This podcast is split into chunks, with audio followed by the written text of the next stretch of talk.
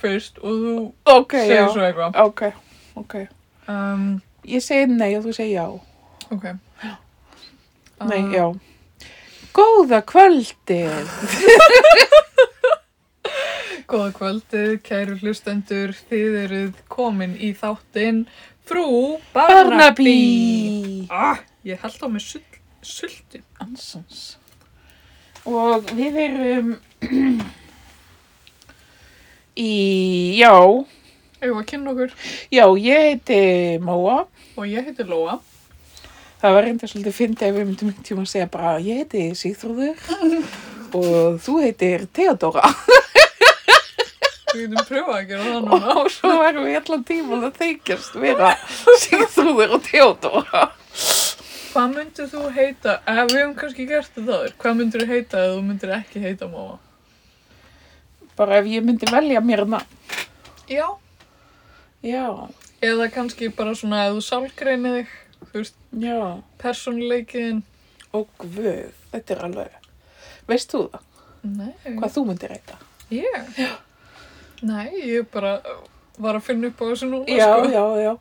Já, ég veit það ekki, sko, þegar ég var lítil, það var alveg óhugnanlega reið út í móðu mína, Já. Af því að hún heiti blómanafni. Mm. Mér fannst alveg ríkalegt að geta ekki heiti blómanafni, Mm -hmm. þetta er bara eitthvað svona hokkanamálsnafni. Já. En ég held samt að ég myndi ekki vilja heita Fjóla í dag. Sem var mín hugmynd. Oh. Þú, ef þú myndir heita frönsku Hvað? Já, sko, ég var mjög lengi vel hrifin af Geraldine Vá! og hérna Josephine, það er Ok, líka já. mjög mikið upp á hálts og svo hétt vinkona mín, heiti vinkona mín úr æsku, hún heitir Aurore Já. og mér fannst það alltaf svo fallegt, en mér Það finnst það ekki að fallegt á íslensku, ég er að sammála. viðkjanna. Sammála. Þannig að já, en þú, hvað þú heita á fransku?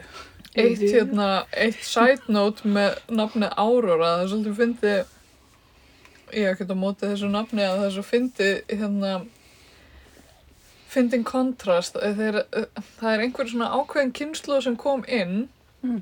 og þetta er svona kynslu sýstu minnar og yngri Já, sem byrja að heita svona, allir heita skrýtnum nöfnum.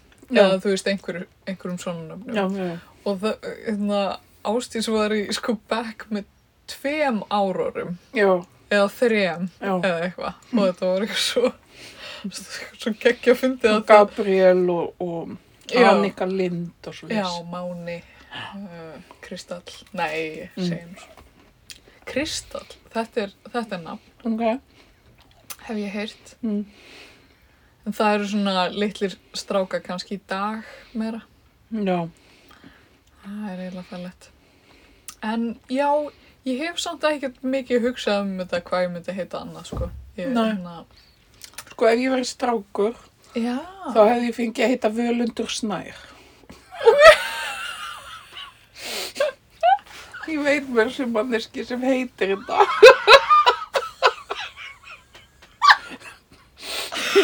Vá, hvað minnst þannig að fara í mig?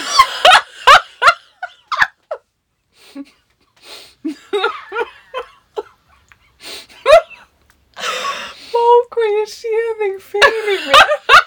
Svo ljóslifandi. Þú náttúrulega ert bara, þú, þú, veist, þú, þú veist með fornbókabúð og þú svona með góðan stól þar og svona að glugga í bók eitthvað smá fjarsýn og svona. Bara eða fjarsýn fyrir ekki Já, já, já. Já, Völundur. Velkomin í kaninu hónuna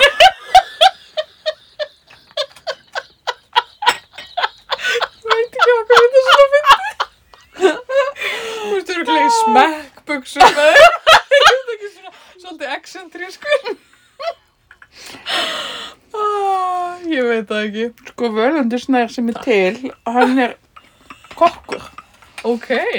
Mm. Guð, hvað ég er spennt. Er þetta fyrsta skiptið sem við notum bollana okkar? Ég held það. Skál í búðinu. Skál. Það bara aðeins að lega þess að kólna. Og nú af því þetta er útvarpsefni Mm. á all... Hva, hvaða bollar eru þetta? Má. Þetta eru hérna sér smíðaðir og hannaðir frúlóa og móa Barnaby Bollar. bollar. Og þetta var málað á, á úthafseyju Kyrrahafinu. Já. Nei. Made in China kannski bara. Það Nei. meitin að þetta var eitthvað listakona sem gerði þetta. Já. Eitthvað. Eitthvað. Já, þetta var jólagjöðin í ár. Já, svo er sagt. Já, það er sem ég hef Fólk var ekkert að kaupa þessa hérna airfryer vélar. Nei, Já. það var að leita að frú Lóu og, og, og móu Barnaby bollan. Og allir sem borga sig inn á Patreon síðuna okkar geta fengið svona Já. síðsluðu bolla með nafninu sínu. Já, það þarf að velja sko, annarkort Lóa eða móa. Já. Já, Því þá þarf að kaupa hinn, skilur. já, þau mega ekki fá nafni sitt. Nei, er það. Æ, ég veit ekki. Það var þetta góð hugmynd. Já. Var það þá, þú veist, frú Völundur Barnaby. Já. það er mjög mikilvægt samt að þessi frú, sko, Já, já. myndi ég segja. Um, Við erum orðna svo meðaldra að við erum að drekka te sem heitir Sleepy Time. að, því, ég er náttúrulega lungur með allt. að því klukkan er sko orðin nýju. Já, það er bara sleepy time hjá okkur í meðaldra heimum. Og framan á Sleepy Time te er svona björn sem er í náttserk og með nátthúfi. Og situr í hægindastól og bara, þú Ó, veist, þetta er svo kósi. já, Þetta er alveg selum mér. Te í massavís. já, algjörlega. Já, plana eitthvað, segir þú. Ætluðu við að plana eitthvað? Nei, ég veit ekki. Við vorum með hugmynd, eða ég var með hugmynd, um að við myndum einhvern tímann tala um sorglega myndir. En Já. við þurfum ekki að gera það núna. Hei, nei, heiðu, ok, ég, ég Hei, ætla... nei. Ok. Hei, nei, stopp. Stopp. Ég ætla að byrja að segja þau frá Barnaby þætti. Ok. Ég er komin. Ég er komin með bolla minn og ég ætla að hlusta. Uh, það er Herragarðs hús Úa, kemur óvart. og lögreglan er þegar mætt á svæðið uh, til þess að spurja eftir uh, ungri konu sem að eða spurja fólk um konu sem að fannst látin. Ok. Bara á fyrstu sekundum þáttarins. Já. Ok.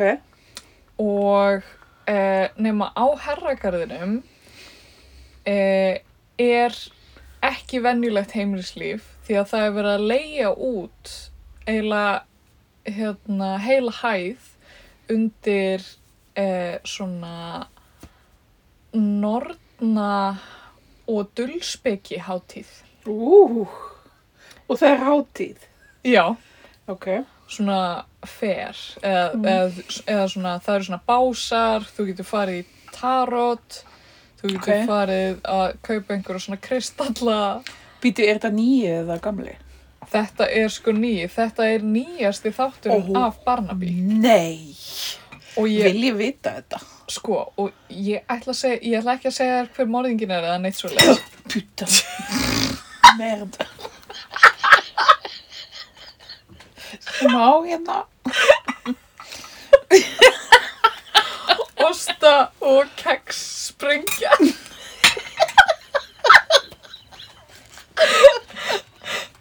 Já, já, nota þetta bara sem samlokur núna. Já.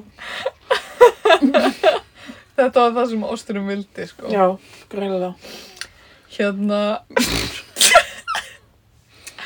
en þetta er það sem fólk þarf að gera í dag þegar það á svona herragarðhús sem var bara endalust eitthvað svona dry rot í veggjónum og það þarf alltaf að laga þakið og þetta kostar, Já, hýtakostnaðurinn. og- já, kostar heilan helling.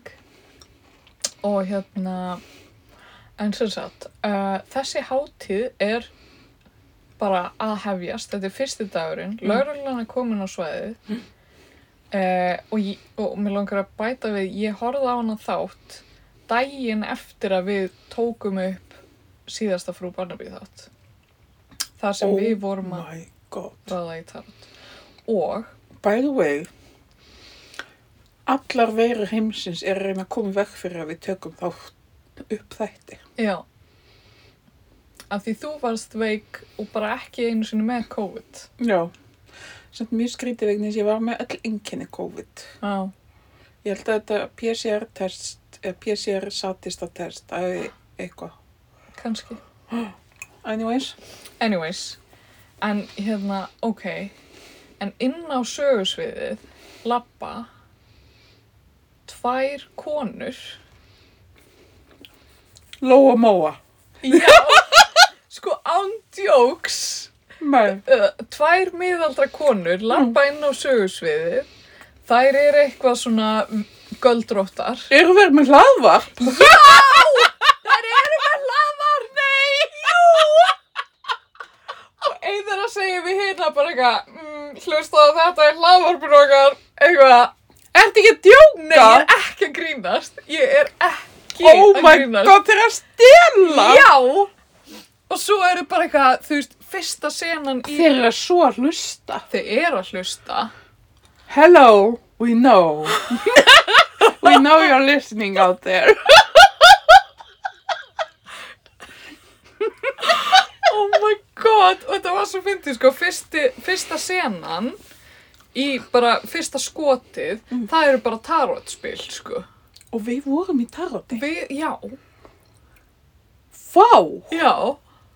Og þetta snýst rosa mikið um tarot og eitthvað svona spá, það er að spá fyrir fólki og svo deyr fólk og eitthvað. Heyrðu, og þetta er notabenni annars skipti sem við erum með völvu þátt. Já, Þið höfðu allt ári í fyrra til að búa til um þá. já. Sér. Já.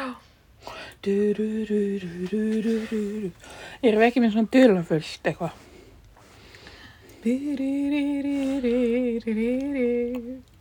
Ég veit það ekki. Ég veit það ekki. Ekki það þessu vera dulafullt. Nei. En þetta. Vá, við getum haft svona soundeffekta þannig að það er eins og við séum í eins og við séum í kirkju. En við eigum það ekki þannig að við skulum ekki það. Nei, við höfum bara venjulegt. Ok. Kannski væri þá, þú veist, klukkunar hljómur eða eitthvað. Já, og það heyrist bara ekkert í okkur tala. Það er bara... Já, eitthvað svona prestur. Já. Hvernig hljómar í kirkju? Það er kannski svona smá ekko. Já, já. Allavega, þessar, þessar konur, þær koma svolítið mikið við sögu. Þær eru samt bara svona hliðar karakterar, sko. En þær eru nýjar í bænum, þær eru búin að kaupa eitthvað hús hana, það er alltaf flæða inn í kjallaran hjá þeim, þannig þær eru alltaf að ausa vatni út heima hjá sér. Ok. Þær eru svona svolítið hressilegar Já. með að við Svona aðrar hressar eins og við. Já, ángríns og býtu, mér minnir svo að það hafi verið einn snertiflutur í viðbót í þessum þætti. Það var allavega eitthvað bara svona, já, allavega. Ok, vá.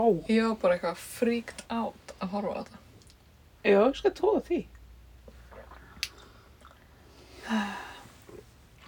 Já. Ég var líka að hlusta á þáttinu okkar frá því síðast og ég fór eitthvað að googla spilin sem að, sem að ég dró hjá þér. Og ég var bara orðindaldið spennt fyrir þessari spá. Já. Já, þetta var mjög svona endurníjun Já, Má spá.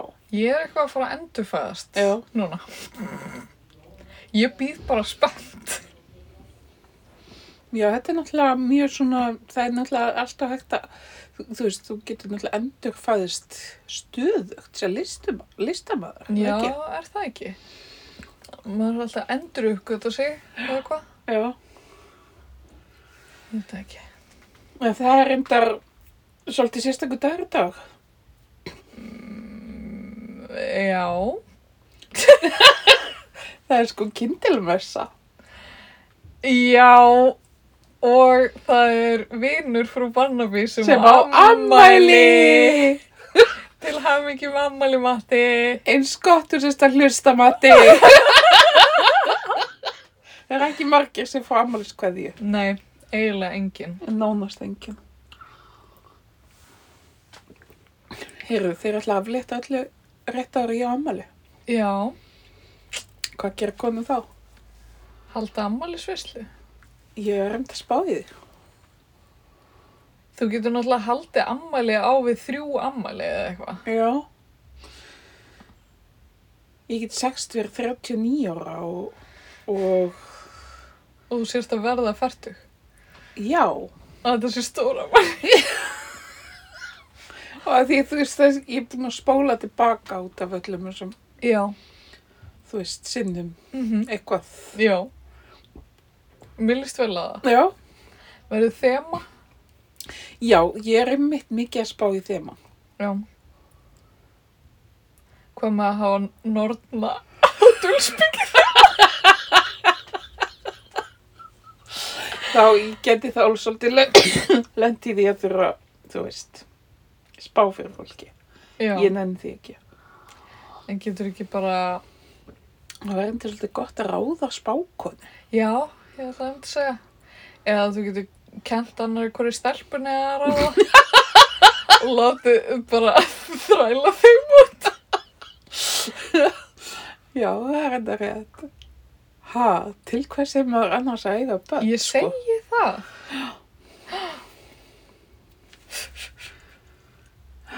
Svo getur þú veist, búið upp á Bloody Mary eða einhverju svona nortnarlega drikki. Já.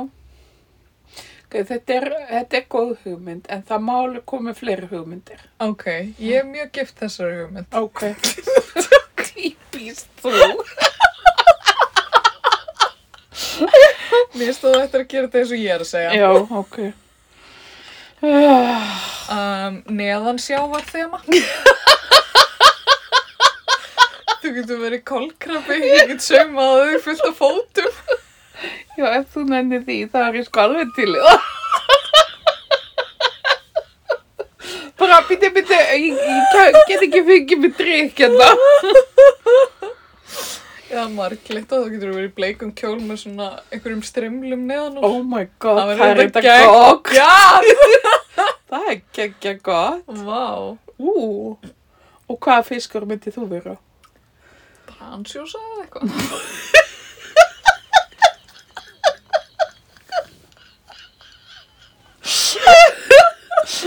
Sjósakni, þetta er því huginu sinni.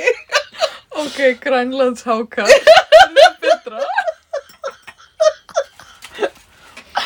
Það get ekki allir verið eitthvað svona trópískir trúðafiskar eða eitthvað. Sumir verða að vera sandsíli eða, eða þú veist, marflæri eða eitthvað.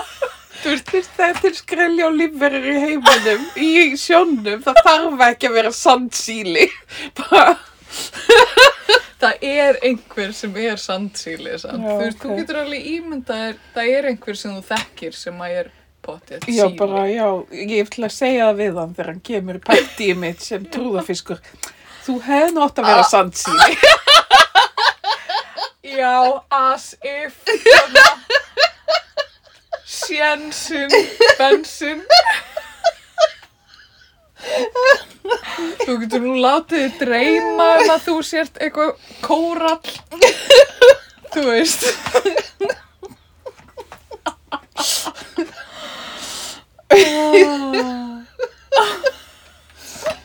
Æ, Ég, ég var nú einmitt að koma úr fiskibóði hjá tengdaömmu minni Nú, og hvað varstu?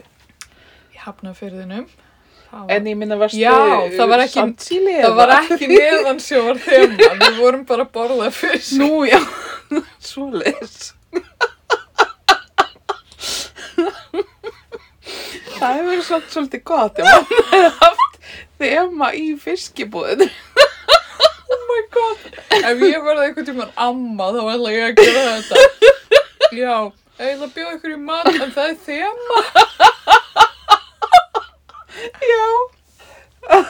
Og allir afkomendur mínir og þannig drullu leiðir á mig bara, nei, við mætum ekki í búning. Ó, en ég sem er búin að vera að sauma mér ansjósi búning á þessi ár. Hann er loksins tilbúinn. Mér líst vel á þig. Ég ætla að mæta í ömmubúðin þín. Þá verður ég líklega komin á allir Já, já, þú ert bara velkominn, sko. En bara ef þú ert í marglitubúninginu. En, en hvernig er ef maður er svona að, að tvinna nokkur þemu saman? þú veist, eins og neðansjá var kúrega þema, þú veist. Ég held þú ætlaðir að segja neðan sjávar nortna þema.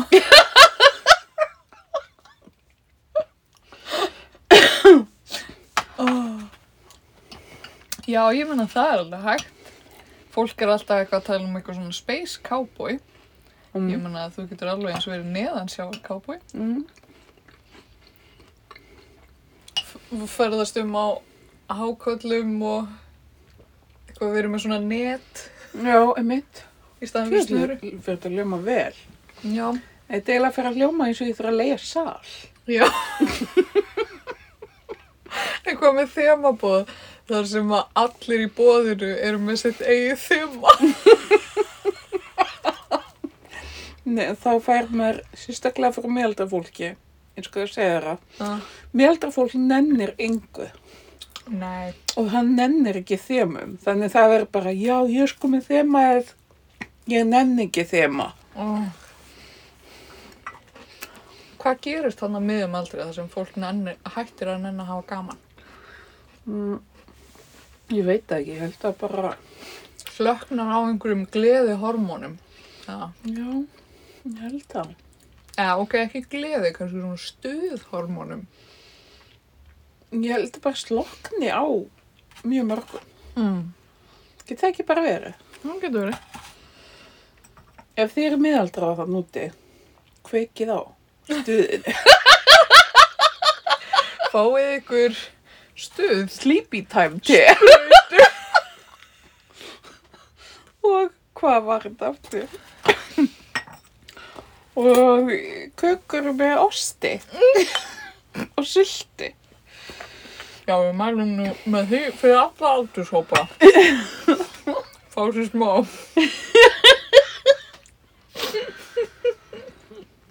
Og ekki láta ykkur bræða þó að kekskakan brotni. Það getur komið fyrir hvern sem er. Þið eru besta fólk.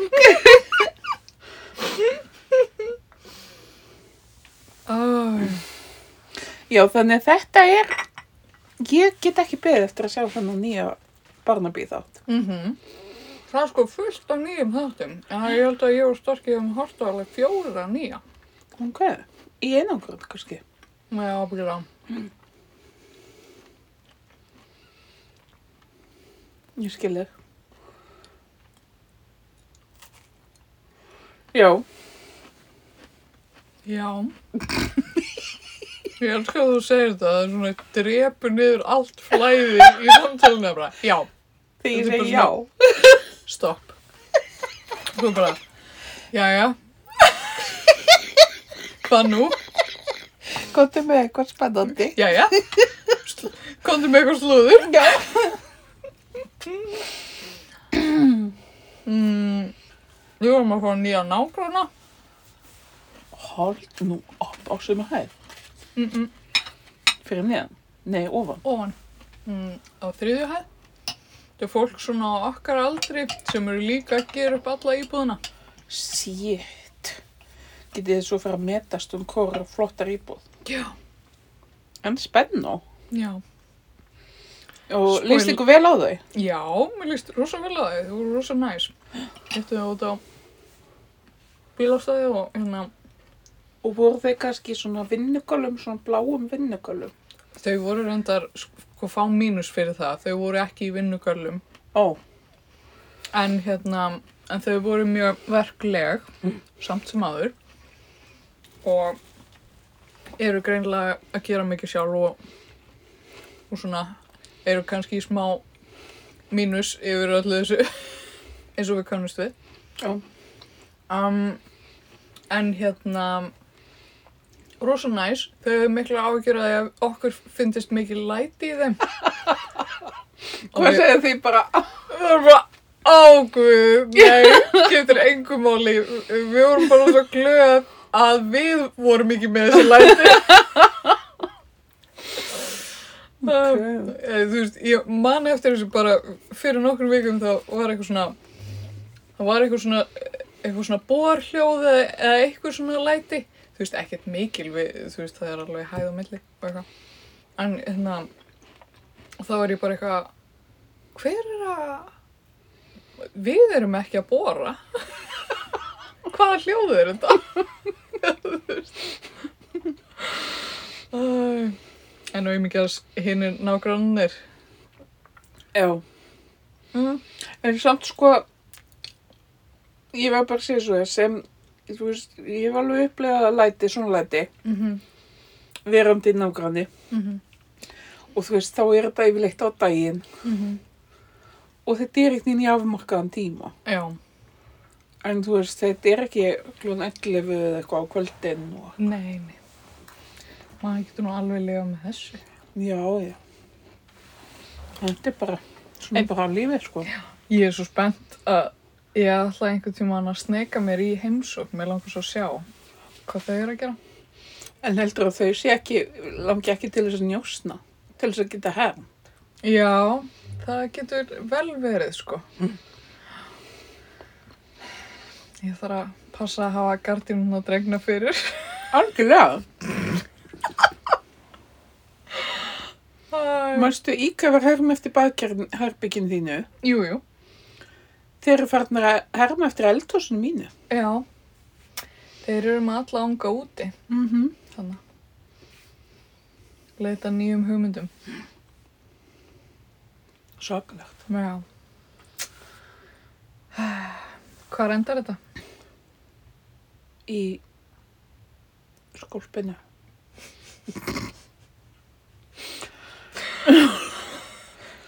en talandi um svona alveg hluti, Já.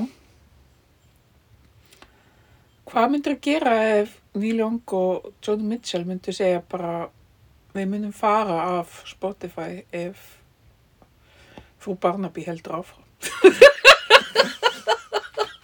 Ég meina, verður maður ekki að gera þessu Neil Young og Joni Mitchell segja? Nákvæmlega, ég myndi segja bara Amen, halleluja, ég er hætt. Say no more. Ég meina, Joni Mitchell, Nákvæmlega, þú veist. hún er bara the queen, sko. Já. Við erum að missa þarna út, sko, halva, heil og hálfu playlistana.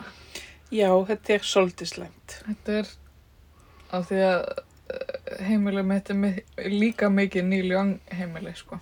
Já, Þannig að þetta er svolítið, þetta er svolítið, hérna, skellur. þetta er mikill skellur. En hvað er málið með þennan Spotify gæja sem að þau eru að mótmæla? Ég hann er bara að- að lesa þetta. Tók viðtal við einhvern gauður sem er að dreifa ykkur vitleysu um, um, þú veist, þessi, hvað sem það heitir. Um, Um hann ekki hvað það heitir. Vá, ég held ég sé að sopna. er þetta mjög virt? það, eru, það eru mjög virk efni í þessu sem heita antikoffin. sem að svæfa mann. Ég fekk ekki alveg þetta svona bara, já, Svona eins og flóðhestur stæði bara á bringuna. já. Hyrfið talandi um það, ég er búin að vera með þetta á heilinum og ég, mér fannst eins og það væri, ég hefði verið trampuð niður að flóðhestakjörð í þessu veikindum. Já. Ég er ekki eins og að grína sko, þér finnst þetta fyndið en. Ég, ég get leiðið þetta.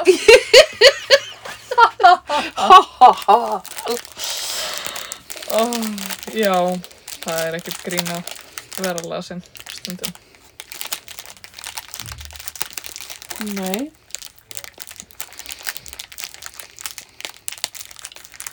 Já, við erum að, að hérna, borða skoskar havrakökur, Já. neyrins. Guð, það var svo fyndið eitthvað tíma. Ég var búin að vera alveg heil lengi út í Skotlandi og ég fór á barinn sem var rétt hjá okkur. Já. Og hérna,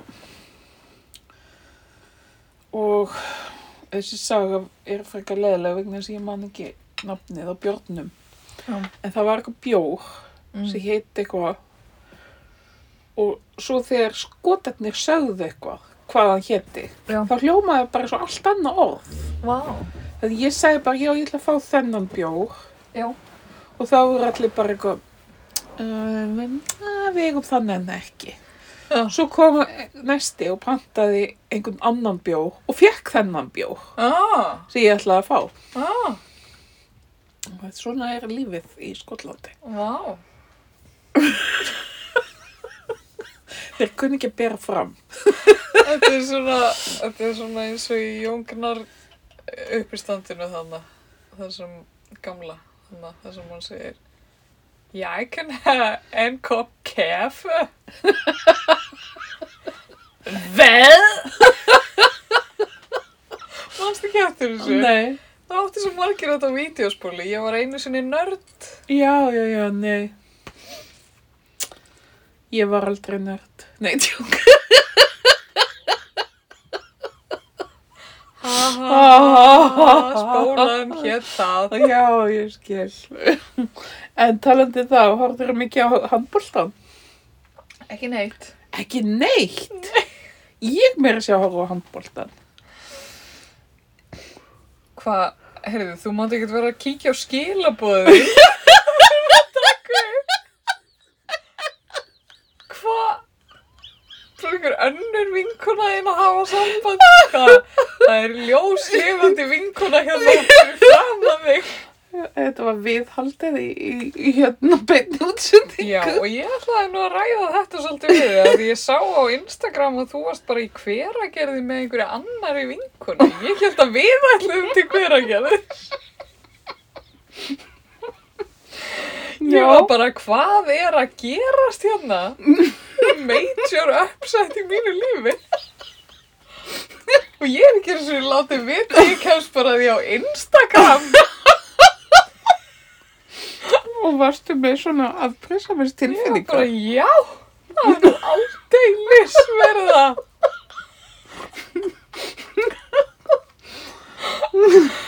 Það var verið að fyrirgerði. Fórstu kannski að sjá hann að, þú veist, ah, hvað var það sem þú varst að lýsa svo fyrir mér? Þannig að hverirnir sem er ekki Já. hverir. Nei, við fórum ekki í fyrfirandi hveragarðin í hveragerði. Ok, hjú. Ég skal fara með þér þángað. Já, ég ætla nú rétt vona það. Ég er búin að spara hver að gera því þetta, ég er bara algjörlega, Ég er bara búin að ég er ekki eins og búin að hugsa um ekki hver búin að að gera líta þángað. og allir, allir er að segja við mig, auður, eigum að koma í hver að gera, ég er bara, nei. Ég og Móa erum að fara. Þú lík svig. En ég get sagt, ég hugtaði það, að við gistum ekki í hveragerði. Nú, já, já, það var nú Já. gott. En við fórum eins og í laugina. Já, hún er góð. Mjög góð. Hún Lóa er að opna sýningu í Körugeri um helgina. Herri, já, ymmit og makkir. Já, einmitt. En ég kemst ekki í opnun. Á, hvað ertu að gera svona mikilvægt? Já, það er hérna nafnavisla og Já, ég ætla að segja að var að fara að hitta ykkur aðra vinkunum. Það býða bara höðum. Þú veist, ég lappa át úr húsinu og það var svona fimm vinkonur. Það er bara eitthvað, "Ah, Þórólfur er ekki einu búin að reyn. Ná að eiðileggja félagslífið mitt, þó hann reyni. Nei, einmitt. Mm. Já. En við þurfum að fara þess að hverkjörferð. Já, Við ætlum nú að taka viðtal og það ekki. jú, það var planið. Já.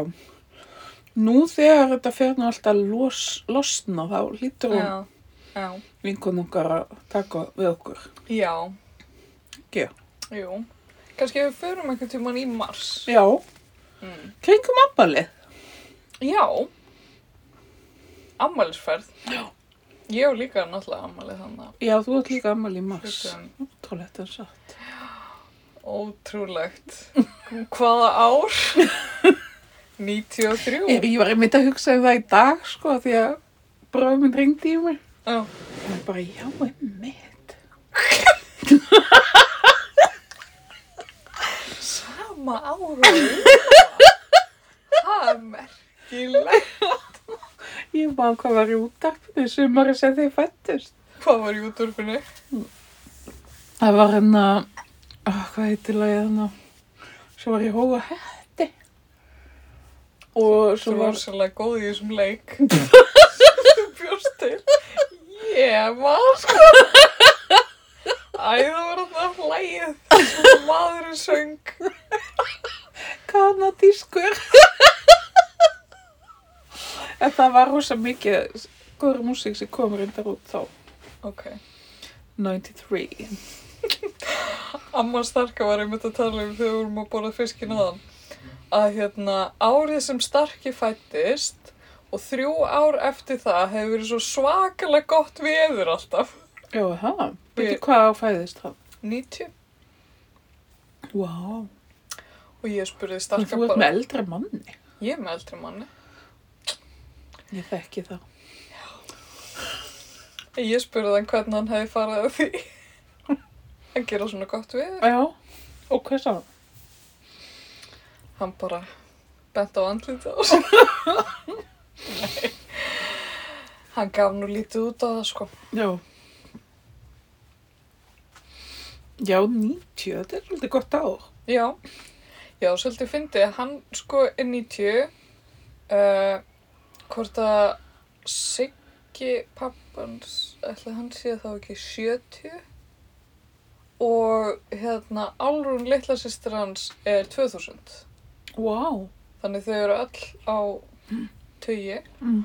og hérna fyrir, já, fyrir tvö mánum þá áttu þau öll stóramæli. Emitt, já, ég, man, ég var nú viðstönd þrjóttu saman. Já, einmitt.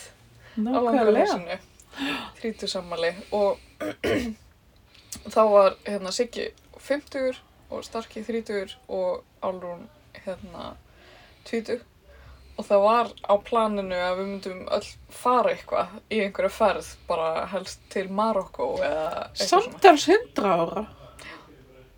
eða býtu já, einmitt. Vá, það var nú ekki búið að pæla í því. Vá, hann fyndið. Magnað. En allavega við ætlum alltaf, þú veist, við ætlum að plana einhverja ferð, þú veist, eitthvað New York eða, þú veist, bara, bara einhverja svona, þú veist, verið í viku Mhm. Suðurfraklandi, eða þú veist, það voru, það voru margar hugmyndir á lofti en svo bara var ekki hægt að gera neitt. Nei, já, Og við höfum ennþá ekki gert neitt. emmitt. Og nú, nú fer ég bara bráðum að vera 30, eða þú veist, þá er það ekki á næsta ári. Það er á næsta ári. Það er ekki núna. Það er tímur líður. Já. Já, guð mig góður. Hvað er við búin að þekkja slengi? Veist? Hvað? Tv- 2017? 18? Já byrjaði að vinna í þjóðmennasamlunni? Já, ég byrjaði 2017, um haustið held ég. Ég byrjaði sko líka um haust, en það hefur kannski verið 2018. Ég var ég samt að vera það lengi á að þú komst. Ég veit að sko. ég, ekki, ég sko. og Eggert byrjum á samtíma. Já, já, já, því, nei, ég var í reyni bara búin að vera nokkuð mánuð lengur. Er það þá ekki bara 2017 sem ég finnst? Já. Vá. Nei, Það sé langt síðan. hvað er það látt síðan? Fimm ár. Já. Ú, úhú, úhú. En ég er náttúrulega, við erum búin að vita af konan lengur. Já, þú náttúrulega ert eina vinkona mín sem hefur búið með mömmu minni. Ég trú ekki að við hefum aldrei, ég held að við hefum aldrei sagt the origin story í Frú Barnaby. Jú. Er það? Í kynning, við tilengum tvo þætti. Það sem er að kynna hver annar, hver aðra var skemmti. En sögðu við frá þessu? Já, lungumáli. Ok. En við getum alveg sagt það aftur. Það er náttúrulega allir hættir að hlusta. Við, við þurfum eh, það, þetta verður bara í Patreon þætti. Já, já. Fyrir það sem Þá fær kannski, þá fær maður kannski að heyra svona senu frá sambúðar Já, áðurum ykkar Petrínu Rósa. frá því þegar, þegar bróðin var í heimsókn og draf mús í vaskinu. Ég veit, ég fekk beina útsendingu frá því til Skotlands. Vistu hvað? Mamma var bara svona eða sigra heimil. Það finnast að við það atvik, jú, við höfum alveg definitely sagt frá þessu, ég tekur það tilbaka. Að það finnast að var að, hérna, það var norsku gæi sem að var eitthvað svona fjölmiðla maður. Óþólandi. algjörlega óþólandi típa og hann náði þessu öllu á filmu Já. og einhver staðar er þetta vídeo og, hérna, og það er bara eitthvað svona sko, og, og þessi mús var bara eitthvað þvílíkt upp á henni tippið. Hún var bara hlaupand út um alla íbúð. Venjulega eru mís bara eitthvað svona ekkert eitthvað mikið sjáanlegar. Nei, mitt. en hún var bara eitthvað að hlaupa um allt og svo var hún komin í ávakstakörfuna og eitthvað að vesanast og svo svo, svo, svo, svo fyndi þegar, þegar það færist hiti í leikinn. Þá, þá erum við farin að elda músina og við erum öll þarna allir heimilismenn og Espen á kamerunni og, og hérna og, og mamma hinn og Júlían og Rúta hann að dansaði og, og hérna Rúta alveg að fríka út og svo hrætt við músina. Og ég og Starki erum að það bara eitthvað "Ah", eitthvað. Og svo hérna svo er Júlían einhvern veginn í eldhúsinu og hann er búinn að króa músina af í hérna vaskinum. Og svo, svo er mamma hérna Dreft hana! Dreft hana! Allir bara og, og Júlían eitthvað svona ausu og bara svona Ó, kremur Nei, hana nei, nei, nei, nei. kremur hana Ó. til dauða og svo heyrist bara í mér í vídjónu bara NEI! Ó nei! Þannig að morgættir er svo mikið kreifúsinni. En er þetta ekki, þú veist, þegar það er komið svo mús sem er mitt svona, allan í Skotland er þannig, það þýr að það er bara svona 7000 Það voru það sko. í viðbót. Já, það voru það. Og það sko, maður heyrði í þeim á nóttinni einhvern veginn inn í veggjónum. Já, já. Þú veist, þegar maður var að fara að sofa bara við höfuðið. Starki var alltaf eitthvað að láta þetta fara eitthvað í taugarnar og sér bara eitthvað, hvað ætlar að, hvað ætlar að gera í því, skilur.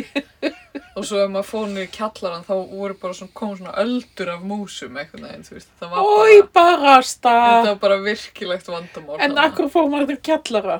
Ég, ég fór aldrei niður. Nei, já, Það voru svo mikið af músu oh my god, ég get ekki svo haft lapindar á jörðinni. Oh, oh, oh. Það var gott að vera með svona pingulítinn kú. Oh. Já, þetta var nú meira. Já, já, þetta er nú meira æfintýrið. Já, en þar, uh, hérna, einhver tíman á, á þeim tíma, það er, uh, hvað, 2014? Já. Þá heilsuðust við sko á Skype. Ha? Já. Er það? Já.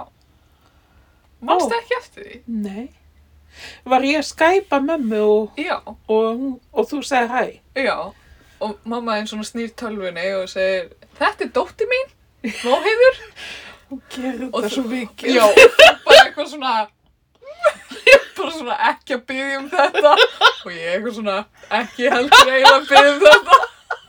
Spáði ég að við hefum vitað þetta. Við myndum að enda upp í að háalandi. Takk upp hlað. Tala við síma.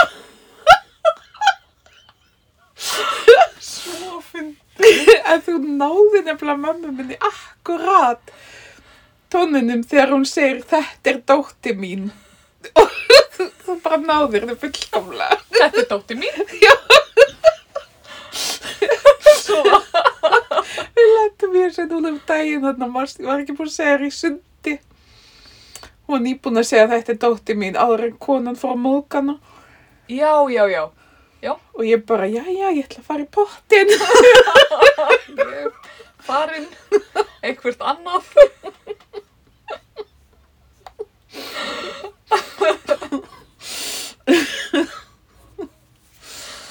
Yes. Já. Þú, þú, þú. Já, ég, ég bara man ekki vitund eftir, ég man samt eftir all, alls konar svona dramalýsingum, sko.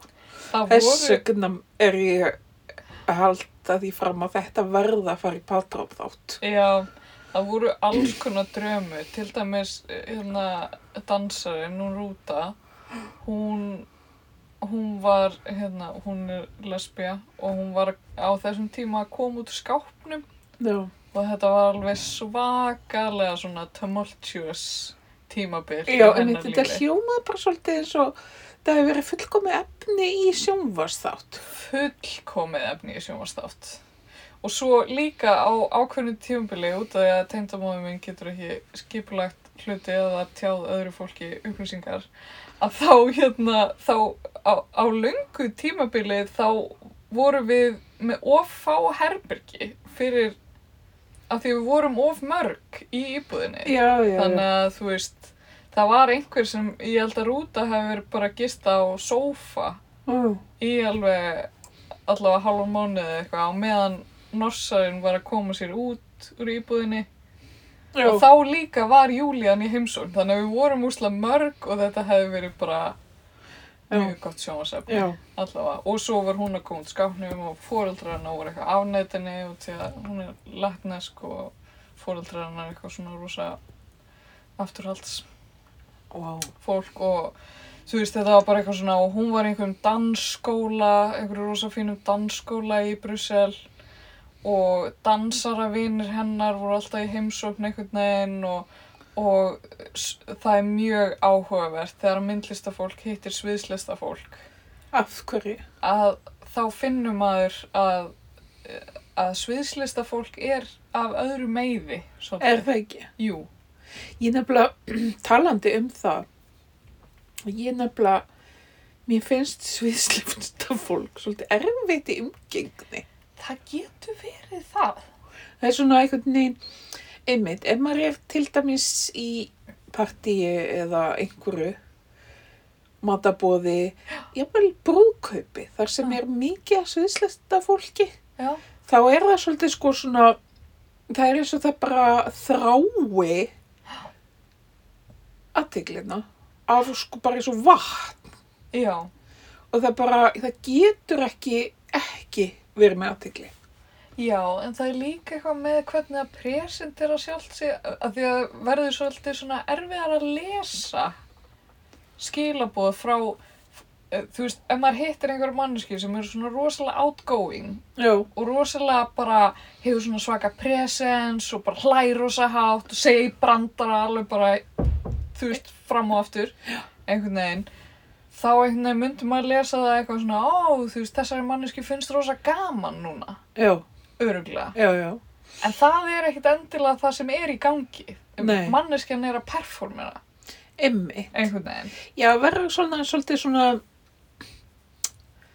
svona óörg Já, stemning eða, það, já, þá svona veit maður ekki alveg, þú veist, maður kann ekki alveg að lesa í bóðin, þú veist, er Já. gaman núna, er, á ég að vera eitthvað öðruvísi eða, þú veist, er það, þú veist, já, ef, eða stundum líka finnst eh, svona fólki óþægilegt að vera um fólki sem er ekki svona.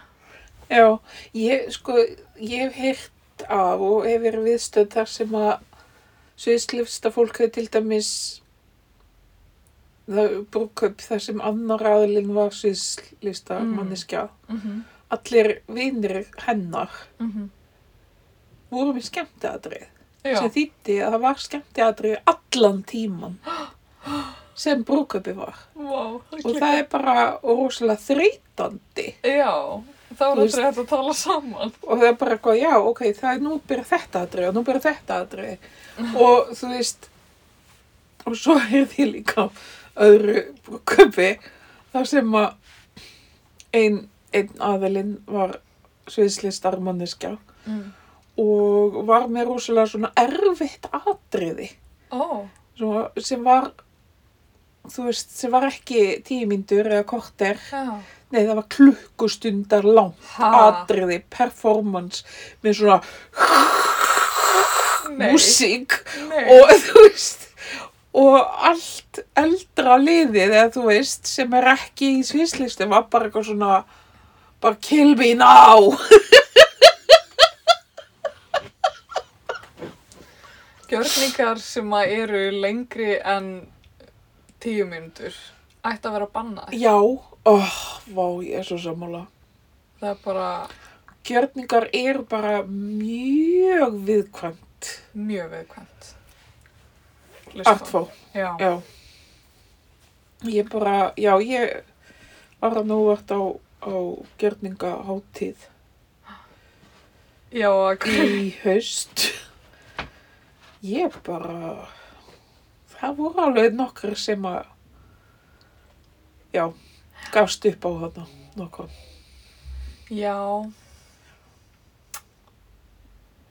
en að því svo hef ég alveg séð gjörningar sem að virka Já, já, og, og svo líka, þú veist, ef maður fer á gjörningahátíð þá á manni ekkert eftir að líka allt út af því að, þú veist, eins og með tónlist, þú veist, manni finnst ekki öll tónlist skemmtileg þó manni finnst tónlist skemmtileg. nei, en alls ekki en við að svolítið þú- svona þegar þú veist það er 90% af einhverju Já, já, já. þú veist, þetta er svo að fara á hóaskjöldu hátíðina og 90% af músikin er leðileg Já, þá myndi maður ekki fara. Nei, nákvæmlega. Nei, mér finnst gjörningar mjög erfiðir, sko. Um, eins og maður hefur síða skemmtilega líka Já, gjörningar.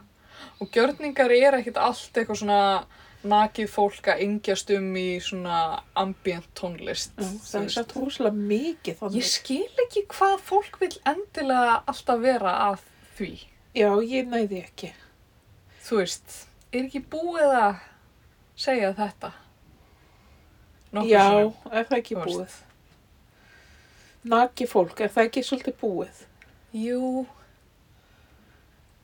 Æ, ég veit það ekki. nei, ég veit það ekki En kannski alltaf, Nakið fólk held ég verði aldrei búið. nei, það er kannski aldrei búið En það er svolítið, já, nekt í list. en ég er mjög áhuga sem að heyra hvernig sviðslistafólk og myndlistafólk mixast Það nefnilega er mjög misjant hvað það gengur vel. já, Uh, það var mjög fyndið til dæmis að vera í partíum með þessum dansurum. Og það að dansarar eru svolítið svona, og kannski sveislista fólk að einhverju leiti, eru svona meira svona fysikal, eða þú veist, svona, þú veist, eitthvað svona, allir saman, eitthvað svona, dansa saman, Snertast. eitthvað svona, þú veist, ekkert eitthvað svona sexy eða neitt, bara eitthvað svona, þú veist, inn, e, já, þetta er svona hóp svolítið. Já, þú veist, hópurinn er svolítið svona physically saman. Já, já, já, og þú veist hvernig maður er með svona húlarringi kringum sig, já, uh, svona sitt space, já.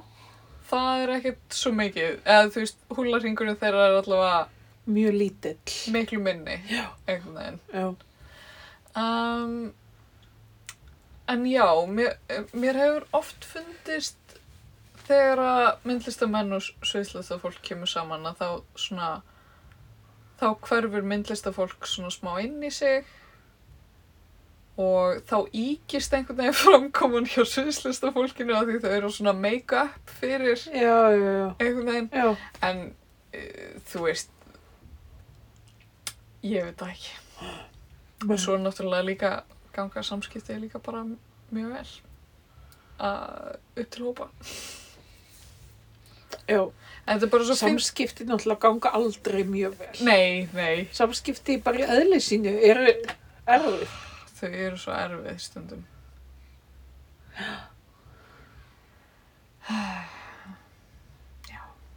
Það var svolítið fyndið í dagbóksöfnu að það kom maður Já, og ég þekkti ekki þennan mann nema hann sé kemtölinu sína og þá sé ég nafnið hans. ok. Og ég bara, nei, hæ. og þá er þetta maður sem er gammal vinur pappa. Já. Og ég hitti bara fyrir 30 árum og fór hestbakk þar sem hann bjó og eitthvað svona og, og hann bara, já, ég þekki þig, segi ég, þú ert blati blá og, og hérna, hann bara, já, ert þú þú? og eitthvað. Fyndið, þú veist, að það er kannski fullt af fólki sem er að mæta, þú veist, núna, þeim Jú. er orðin, þú veist, frek, þú veist, búin að lifa í smá stund, sem maður hefur hitt fyrir lungu, mann bara ekki eftir því. já.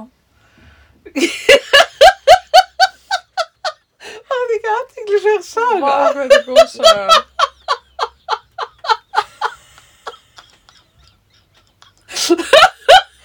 En hugsaðu móa, allt þetta fólk sem þú hefur svo ekki hitt Og er að hitta núna. í fyrsta skipti núna. Það er Ég líka. veit ekki hvert ég var að fara með þetta. En þú veist, þetta er bara eins og með okkur, við hann að vingast í Skype, Já, já, já. án þess að vilja það, og svo endum við hér. Já. Þannig ef einhver býður einhver að vinka einhverjum á Skype, þá mæli ég bara heilsuga með því, Taka þátt í því. taka þátt, ekki vera partypooper. Ekki vera með fílusup eins og ég hef greila verið. Ég segi það nú ekki. Ah, ég, vil, ég vildi að ég myndi betur, þú veist, út af að mamma þín var ofta að segja okkur einhverja sögur af þér, sko. Já, Og þú veist, bara hvað ég var frábæð. já, bara dóttir mín í Ediborg, eða, þú veist, eitthvað. Og, og litlu stelpunar hennar, og bla, bla, bla. Sem eru orðnar, fullorðnar.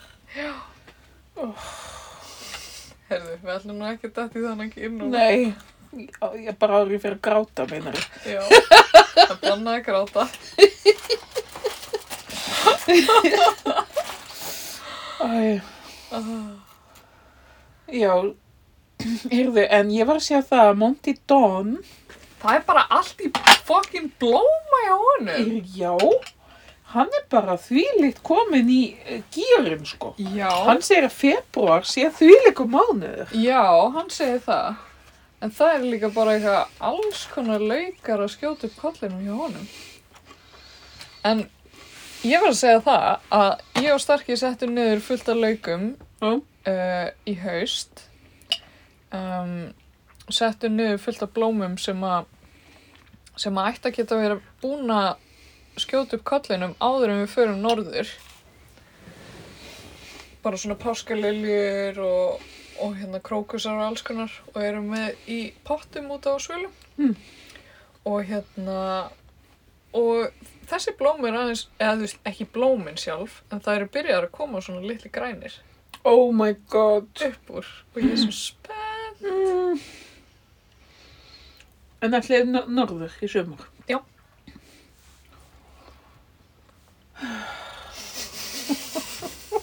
Til þess náttúrulega ekkert á það. Veist þú hver sólegi hlýð er? Nei. Það er eitthvað rítöndur frá langanessi, eitthvað bóndakona. Það var kannski mammas palla í hlýð. Skrifaði, hún er vist áinn sko, Já. skrifaði bók sem heitir Maður og mold. Já. Það getur verið mammas palla. Það er alveg bær rétt hjá sem heitir hlýð, sko.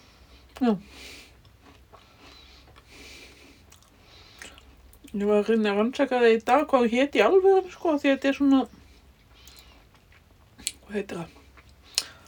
Rítöndanum. En komstu eitthvað að því, eða? Nei. Nei. Nefnum bara að hún væri bóndakona frá langanessi. Sólei í hlýð. Já.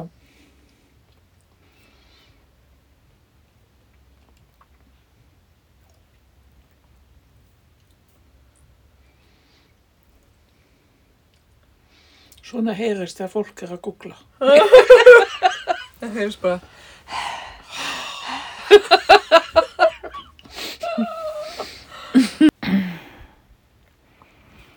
Já, þetta var afsæki hlið í bóði frú Barnaby.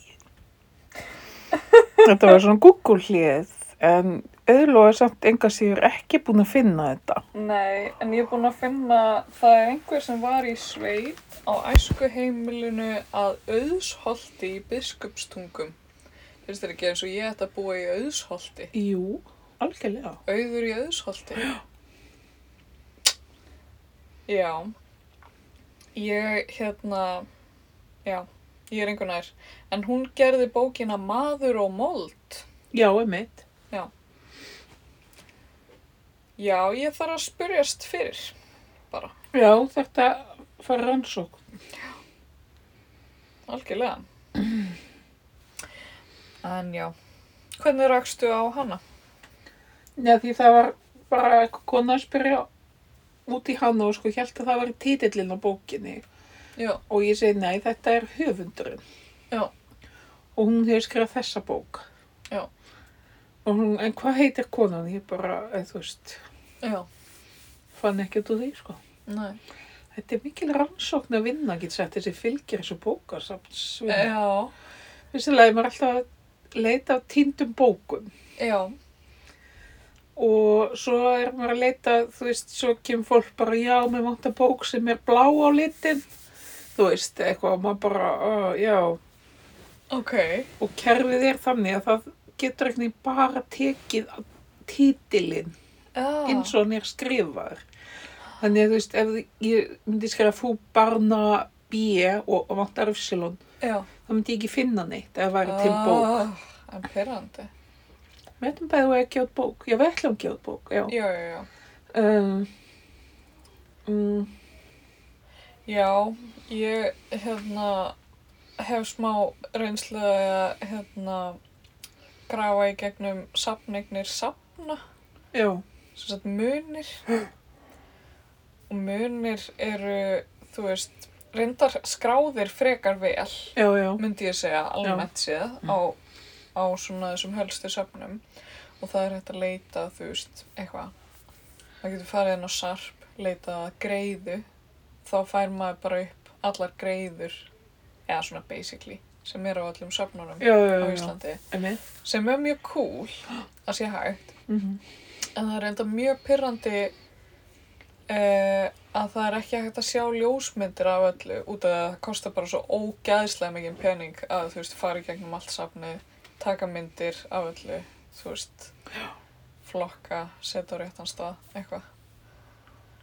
Svo ógeðslega mikil flokkunarvinna sem fylgir þessu og ef að hlutir er ekki á réttum stað þá eru hlutir bara týndir, Já, já, kannastu það. þú veist. Já. Svo klika. Já. Já. Þetta er nú skemmtilegt umræðefni. Guð með góður.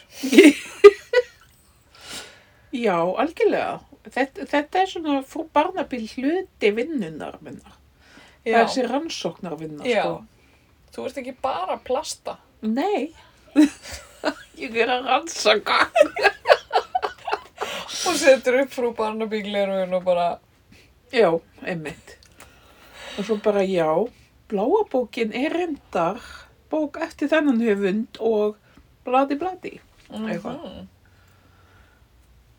Já, þetta er spennandi. Já, svo, fólk er alltaf að koma, sko, fólk les mjög mikið að glæpasögum. Það bara, Já, það er rosalegt. Sumir bara er með nokkar á viku Já, og ég nefnilega les mjög lítið af glæpasögum. já, Þannig að það er alltaf að koma bara, já, hvernig hefur þú lesið þessa, en þessa, og hvernig finnst þið þessi? já, Og ég hef, ég bara enga veginn viðrahæf í þessu geira, sko. já. Þannig að ég þarf kannski að taka mig á í þessu, sko. Já, ég nefnilega veldi stundum fyrir mér hvort að ég gæti verið þessi manneska. Sem les mikið að glæpasögum. Já, eða bara svona sem afþrengu, skilur, ekki, ekki vegna gæða þeirra eða neitt svoleiðis, en þú veist, Ég held að sé enginn að lesa þær vegna gæða. ég veit það ekki, það, þú veist, maður veit ekki hvað fólk gerir.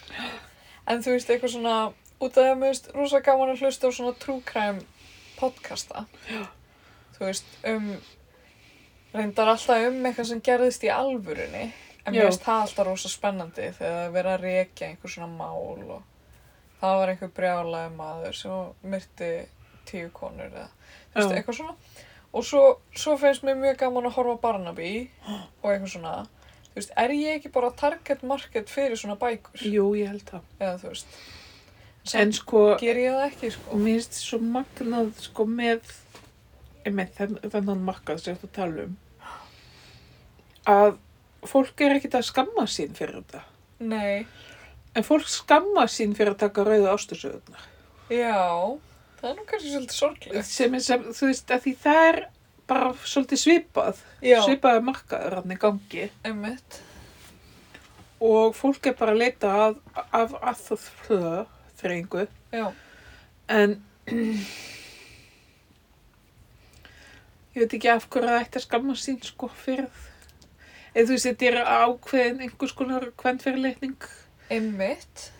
í þessu sko að því það, það er konur sem lesa ástasögur en svo er í þessum ástasögum alveg átakalega mikil kvendfyrirleitning Já, og svona oft mjög niðrandi til kvenna þú Já. veist, það eru svona það eru ekki beint örlega valdar í sínu lífi og það eru þú veist, þú sterk kallinir eru svo sterkir og já, eitthvað já, svona emmitt. Það eru bara býða eftir að rétti maðurinn byrtist og eh, finni þær og eða þær þeim. breytt manninum í rétta mannin eða Já. whatever þú veist, eða, þú veist, þetta er bara svo já, merkilegt en fólk sem tekur glæpasögur sem er bara mjög mikið af fólki það er alls ekki að skamma sín fyrir það Nei, það þykir ekkit eru glæpir svona kallægari? Ég held að þetta slípi tæmt þegar það veist. ég er að segja það. Slæm, já, þetta er svolítið sjáðandi ég er bara að líða út af. svolítið þægilegt svolítið Já, daldið. mm. já, heyrðu, er kannski komin tími á Á okkar konu. Já. Getur verið. Voru við búin að ákveða eitthvað sem að...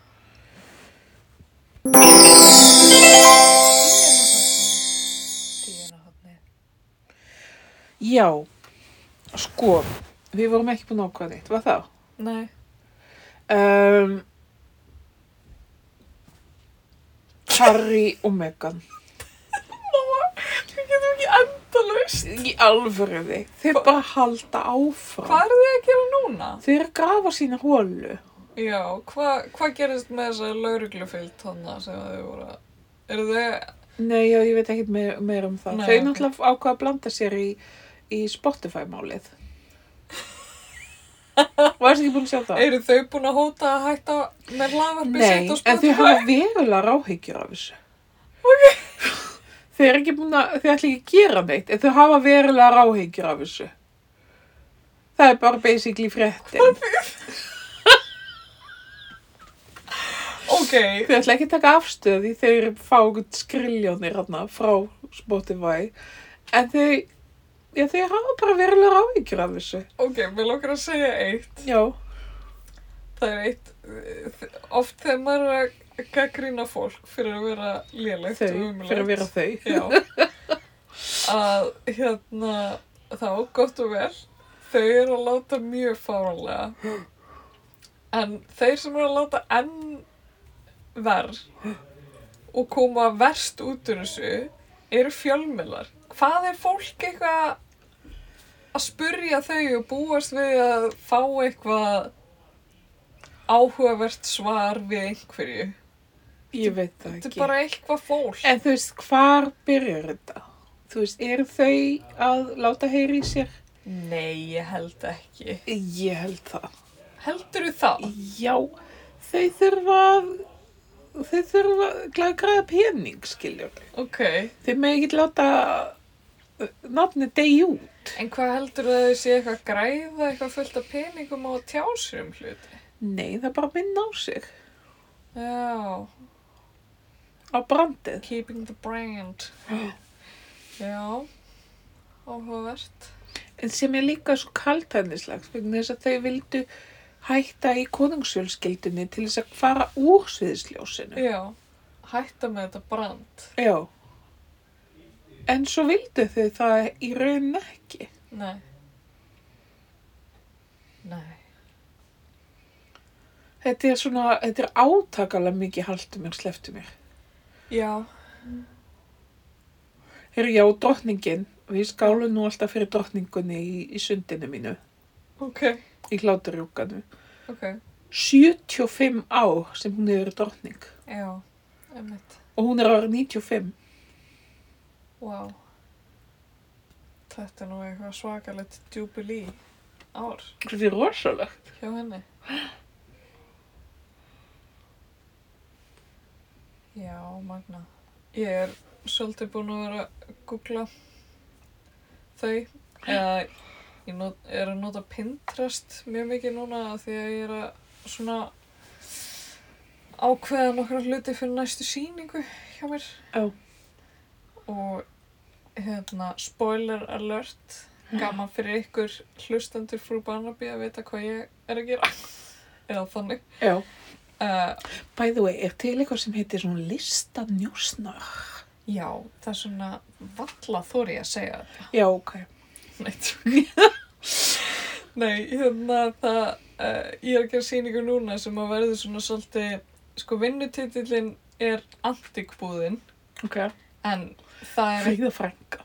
Já, þú veist, þetta verður eitthvað svona smá þannig, þannig að verða gett mikið að dóti sem að eru svona dót sem að sér oft í góða hýrðinum og svona skrýtnir, fundnir hlutir. Þannig ég er búin að vera að fara mjög mikið í góða hýrðin og eitthvað svona pæli í hlutunum þar og svo er ég búin að liggja rosa mikið á, þú veist, eBay og, og hérna Pinterest og eitthvað. Bara að skoða hluti og velja saman hluti. Já.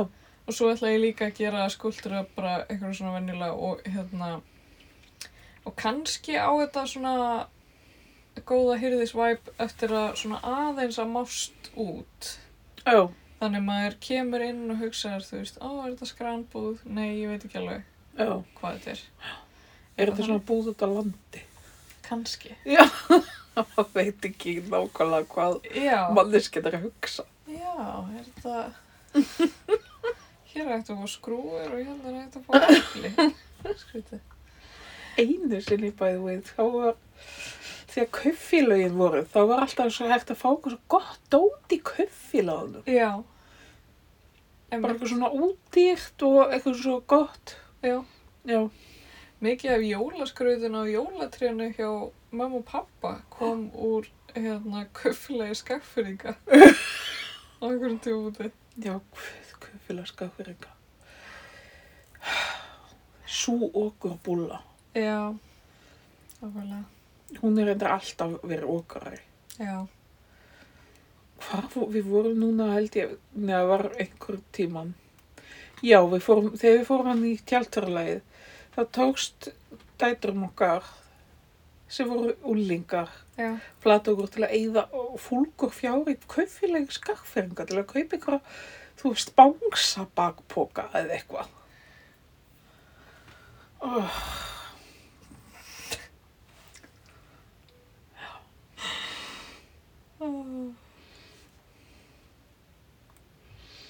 Ég er að spá hvort að, hérna, þessar hlaðvarsveitur séum einhver svona, þú veist, sé að fara að hlusta frá Barnaby Já. og svona veiða einhver orð og kannski banna okkur. Veiða orð? Hvaða orð? Eða þú veist, ef við segjum hvað orð sem er svona eins og svo við vorum að segja á það. Nýljóng. Eða eitthvað svona, Já, geti Einmitt. verið. emmitt.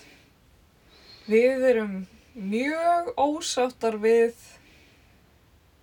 þarna það sem maðurinn Spotify gerði eða sagði. Já, Nei, ég veit það ekki. Ég veit, já. Ég veit ekki hvað hann gerði. maður er svo, hérna, það er svolítið mikil pressa á fólki að hafa rosa mikil skoðanir á öllu. Ég hef hreinlega ekki skoðan á þessu af því ég veit ekkert um hvað máli snýst. Ég veit bara að Joni Mitchell er, Já, það er náttúrulega bara að versta í er heimi. mér mjög mikilvæg, sko. En byrju, já, við vorum í drottningunni. Já, já, ég er búin að skoða alls konar svona merch, Merch, já. svona drottninga merch og eitthvað svona bækur sem voru gefnar út á djúbilíinu hennar, þú veist, 40. djúbilíinu hennar og þú veist, Já, já, já. bara, Já, hún er með merch. já, já, já, já, hún er með, Græði hún á þessu? ég held að krú, krúnan græða á þessu Mm. eða eitthvað. Hún, þú veist, það er hægt að fá hana á ymsum aldri, sko, á bollum Já. og sama, það er rosa mikið, eða- og og svona skrautdiskar Já. og drottningamóðurinn líka, Mm. hún var líka á var skort. fullt á tóti og náttúrulega hérna Charles og Diana mjög oft saman já, á já. bollum mér langar ógeðslega að eiga bolla með þeim saman eitthvað upon the marriage of eitthvað svona það er svo gaman að ímynda sér að þú veist þeir sem voru að hanna þessa bolla vissu ekki hvað var að fara að gerast. Nei, um mitt. og eitthvað svona. Að sé til eitthvað andrumart sem er komin bara í Ábyggilega. sorpu. ábyggilega. En það er örgulega bara að seljast betur ef maður þekki markaðinn. Já, þú veist, að því allt svona skrítið verður svona meira valuable eða einhverju svona skrítnir safnar að safna því já. skilur Pervertar. já, til dæmis Mm.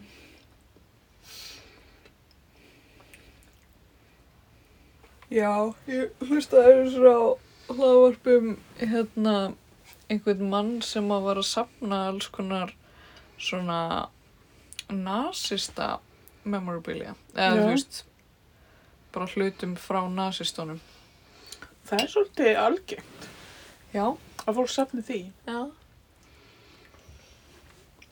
Þetta var svolítið áhverð hann var átti mjög stórt safn Mm.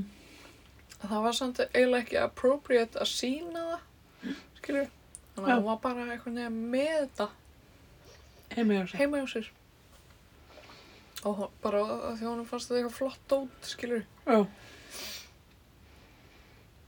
Ég veit ekki það er svona mikið af hlutum sem að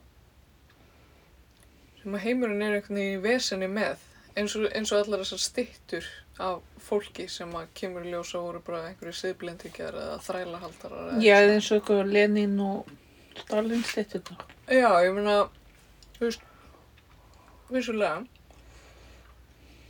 s- slæmt. En hvað hefur að gera við þessa hluti? Þú veist, Emmitt. á að Sko spáði í því ef að það hefði ekki verið gerðar stittur af þessum göllum öllum. með, já, Heldur hefði verið bara enda svo stittur af einhverjum konum og, og börnum og, og ég man þegar stelpun voru litlar var alltaf að segja Akkur ekki til myndir af sexara stelpum sem er að fara í skólan eða akkur ekki til stittur af stelpum sem er að fara í sund eða þú veist eitthvað svona Já. Og þeim fannst vanta stittur af stelpum Sem er alveg rétt. sem er rétt og já, svona venjulegum stelpum Mm e, segjum að, að í staðinn fyrir alla þessa kalla hefði verið þannig stittur ha, þá var ekki þá þyrfti ekki að niður neina stittur Nei. Emmitt. Vá, er ekki eitthvað svona mjög sláandi tölur að þú veist, allar svona public, allir svona public skuldurar í Breitlandi eða bara eitthvað svona 1% eru konur og eða eitthvað annað heldur en kallar. já, hvítir það er mjög slándi tölur ég man það nú ekki í svipinn Nei, en, þetta var bara eitthvað svona, en bara hérna á Já. Íslandi þú veist, og yfirleitt ef það eru stittur af konum þá er það eru naktar klassist. og hérna já. Þannig að það er já, konur hafa ekki átt eh, þú veist, þó að konur sé náttúrulega verið um miklu f- fallegri verur. Ég verð bara að segja alveg svo heldur en kallar Já, við hérna í FB þá eitti ég miklum tíma í svona móteltekníkakursum myndlistadeildinni og hérna þetta var alveg margir kursar en eiginlega eina mótilið sem að við fengum að teikna af því að konan hún mætti svo illa var meðaldra maður sem að var einhvern veginn mjög svona óáhugaverður í sniðinu já, verður að segjast. Og hann var einhvern veginn að reyna að gera upp fyrir það með að vera með einhverja svona pósur já. Það hann var meðvitaður um Já, sína eigin. Bara eitthvað, æ, ég er bara miðaldra kall með bumbu og, og þú veist, miðlungstórt tippi, þú veist, og það var bara svona, sköllóttur og hérna, sköllóttur? og hérna, ég held sko að mótilinn tvö sem að við teiknuðum, ég held að þau hafi verið par, já, ok.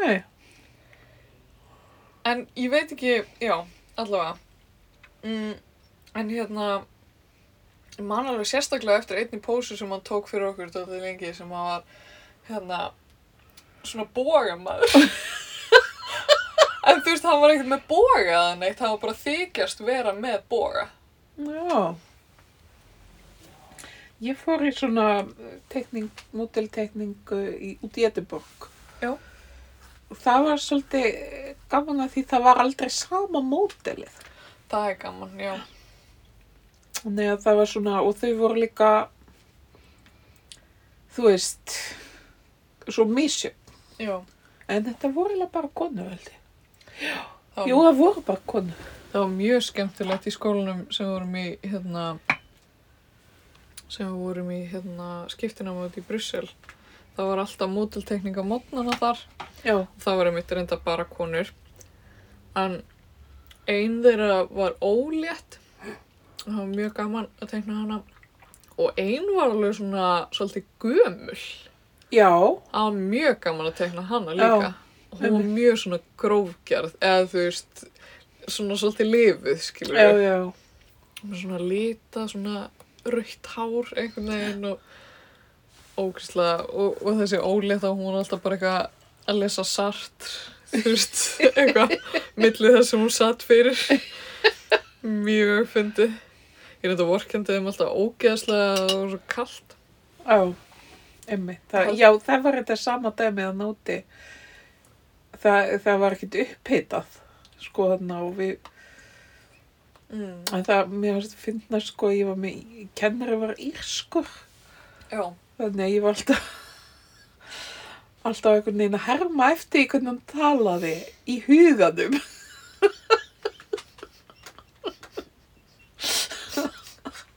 Svo óvart einhvern veginn reyndi ég alltaf að, óvart svara í honum kannski sem ég væri að herma eftir hann sem var mjög vandrað.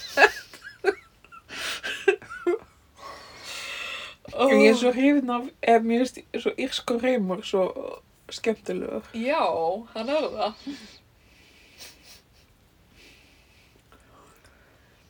Um, Írar segja alltaf, that's grand. grand. já, þið segja það. Nota grand, rosa mikið. Ah, grand. Yes, herru, hvað byrju, hvað er við marga mínir eftir? Ég held að við þurfum bara að ljúka þessu. Já, ég held að við þurfum að fara að stoppa. Jáfnvel þó við hefðum fleiri mínútur, þá held ég að þetta þurfum bara að stoppa. Já, bara hér og nú. Já, ekkert meira svona. Bara sleepy, Sleepy time. segir. Oh, Johnny. Já, það er með miklum trefa sem við kvæðjum.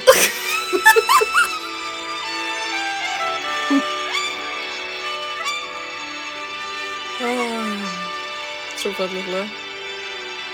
Þetta er bara fallegasta lag í heiminn. Já, ok. Já. Ég fyrir eiginlega alltaf á gráta því að hlusta á þetta. Þetta er svo fallega partur líka núna. I really don't know life. I really don't know life at all. Við stöndum með þér, Johnny. Já, við Alltaf. erum með Johnny í liði. Alltaf að eilu.